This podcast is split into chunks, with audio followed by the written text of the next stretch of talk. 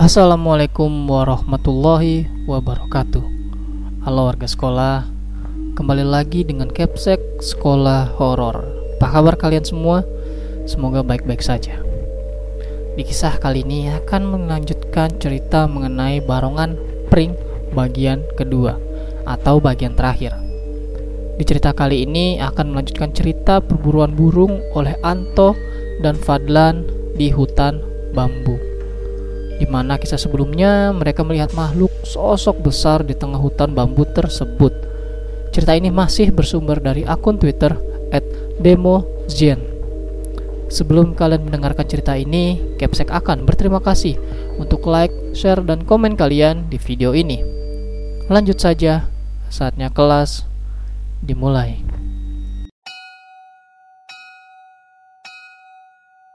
Kaki yang membatu mulut yang keluh, peluh yang semakin memburuh membuat mereka ingin lari sekuat tenaga menjauh dari tempat neraka sekarang berada. Dengan mata dan kesadaran yang masih tersisa, terdengar dari sebelah kanan suara ranting bambu yang terinjak begitu kuat. Mereka menoleh ke arah sumber suara yang ternyata berasal dari tangan makhluk besar. Ukuran tangannya sama, seperti badan Fadlan dan Anto, dengan jari yang sebesar pisang raja, busuk, terbakar bercampur darah.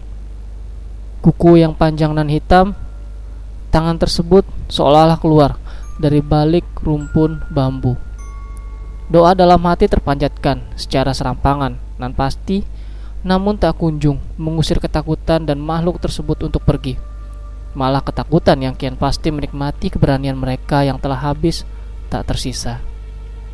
Tiba-tiba hujan turun tanpa pertanda, seakan pertolongan yang sudah dicari dan jawaban doa yang kini terkabuli. Tetes air hujan yang mulai membasahi membuat tubuh mereka kembali seperti sedia kala. Ketakutan yang membelenggu seakan pudar oleh tetesan hujan yang kian besar. Seperti sesuatu yang menahan langkah kaki dari tadi sudah sirna dan hilang entah ke mana.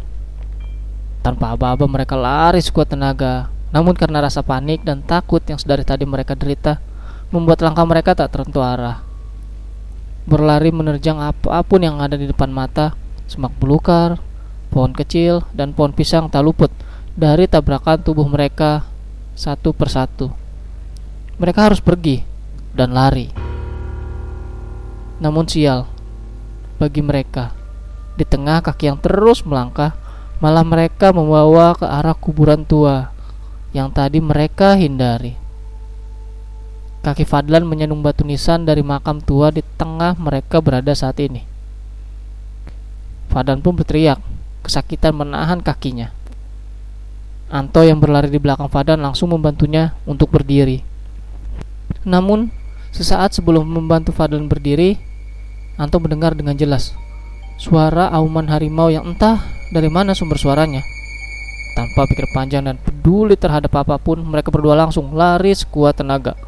Tak terkecuali dengan Fadlan yang sambil menahan rasa sakitnya.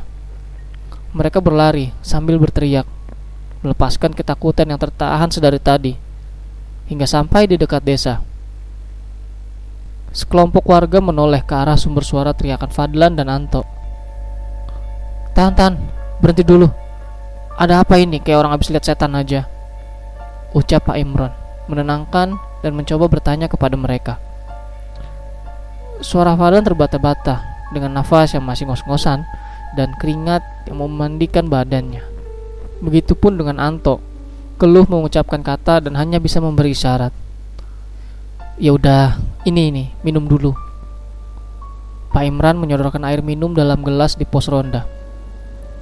Pos rondanya ini emang di ujung desa ya, karena lebih mudah memastikan keamanan desa karena menjadi jalur utama keluar masuknya warga. Nah, kopi nih sekalian sama rokoknya juga. Mas Andi menawarkan. Kamu ini orang lagi ketakutan malah dipecandain. Andi hanya membalas. Udah, tenang dulu. Atur nafas dulu, baru cerita. Pak Imron mencoba menenangkan.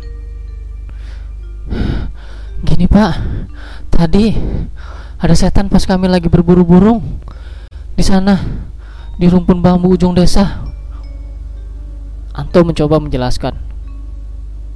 Mendengar hal itu, Pak Imron hanya memasang muka datar karena dia sudah sering mendengar hal tersebut dari beberapa warga desa lain yang pernah ditampakkan sosok penghuni rumpun bambu ujung desa.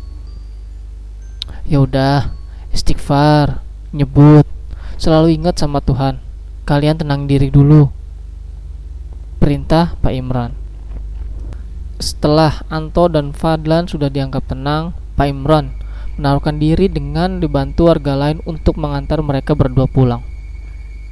Ya udah, sekarang ayo saya antar pulang sekalian sama bapak-bapak ini. Saya juga mau muter pos ronda. Tapi inget ya, satu pesanku. Jangan digubris kalau ada yang gedor pintu sama jendela. Baca surat, istighfar, sama ngaji. Gak usah diladenin. Perintah Pak Imran yang dijawab anggukan dari Fadlan dan Anto. Singkat cerita, setelah mereka berdua sudah sampai di gang penghubung antara rumah Anto dan Fadlan, Pak Imran dan bapak-bapak yang lain pun pergi untuk melanjutkan ronda mereka malam itu. Fadlan dan Anto pun hanya diam. Tak ada yang dibicarakan, sampai mereka berpisah di jalan kecil yang memisahkan rumah mereka berdua. Setelah sampai di rumah, Fadlan pun mencuci muka dan membasuh rambutnya, berharap pikirannya menjadi lebih segar karena basuhan air di kepala. Setelah membersihkan diri dan mengganti pakaian yang sudah basah karena keringat, Fadlan bergegas untuk merebahkan tubuhnya yang dirasa sangat lelah dan sakit semua. Jam menunjukkan setengah dua malam. Sudah waktunya untuk dia terlelap dan memulihkan kembali kondisi tubuhnya. Lampu dimatikan, tubuh direbahkan, dan direlekskan. Dia mencoba untuk tidur. Tak butuh waktu lama, dia kembali terbangun karena mendengar suara gedoran yang amat keras dari jendela kamarnya yang tertutup kain coklat tipis. Samar-samar dia melihat siluet sosok besar karena pancaran dari lampu depan rumahnya. Yap, karena memang kamarnya di paling depan sebelah kanan ruang tamu rumahnya. Sosok itu menggedor menggunakan kepalanya sehingga menimbulkan suara yang keras di tengah malam yang sepi dan gelap. Fadlan menutup muka dan badannya dengan sarung dan terus beristighfar. Tak lupa surat pendek dilafalkannya dalam hati. Sambil terus menahan rasa takut dan keringat yang kembali membasahi badannya. Sosok di luar hanya tertawa puas. Dan entah kenapa di luar rumahnya sangat ramai dengan suara tangisan, jeritan, dan suara seperti orang yang mengobrol. Sangat ramai dan berisik sekali. Namun anehnya tak ada orang di rumahnya yang terbangun karena suara ramai tersebut.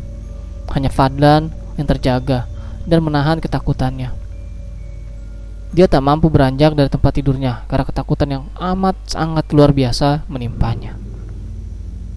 Terdengar lagi suara ketukan yang sangat keras dari jendela kamar dan pintu depannya, seakan rumahnya telah dikepung oleh sosok makhluk dari alam seberang. Begitu ramai dan berisik, seperti di tengah keramaian suatu acara. Malam yang tidak bisa dilupakan oleh Fadlan karena dia terus terjaga oleh gangguan dari kumpulan makhluk tak kasat mata tersebut. Sampai terdengar suara azan subuh berkumandang dari segala penjuru musolah di desanya. Barulah gangguan tersebut berhenti. Hanya terdengar senandung pujian kepada Tuhan yang Esa dan solawat Nabi dari semua musolah. Barulah Fadlan bisa tenang dan membuka sarung yang menutupi mukanya Entah kenapa matanya langsung memejam seakan tenggelam ke alam mimpi yang sedari tadi diimpikannya. Tubuh dan otaknya langsung melemas dan Fadlan tertidur dengan pulasnya. Hal yang sama juga dialami Anto. Ia mengetahui keesokannya setelah dia membaca pesan WhatsApp dari Anto tentang gangguan yang Anto alami semalam. Sekian dan terima kasih.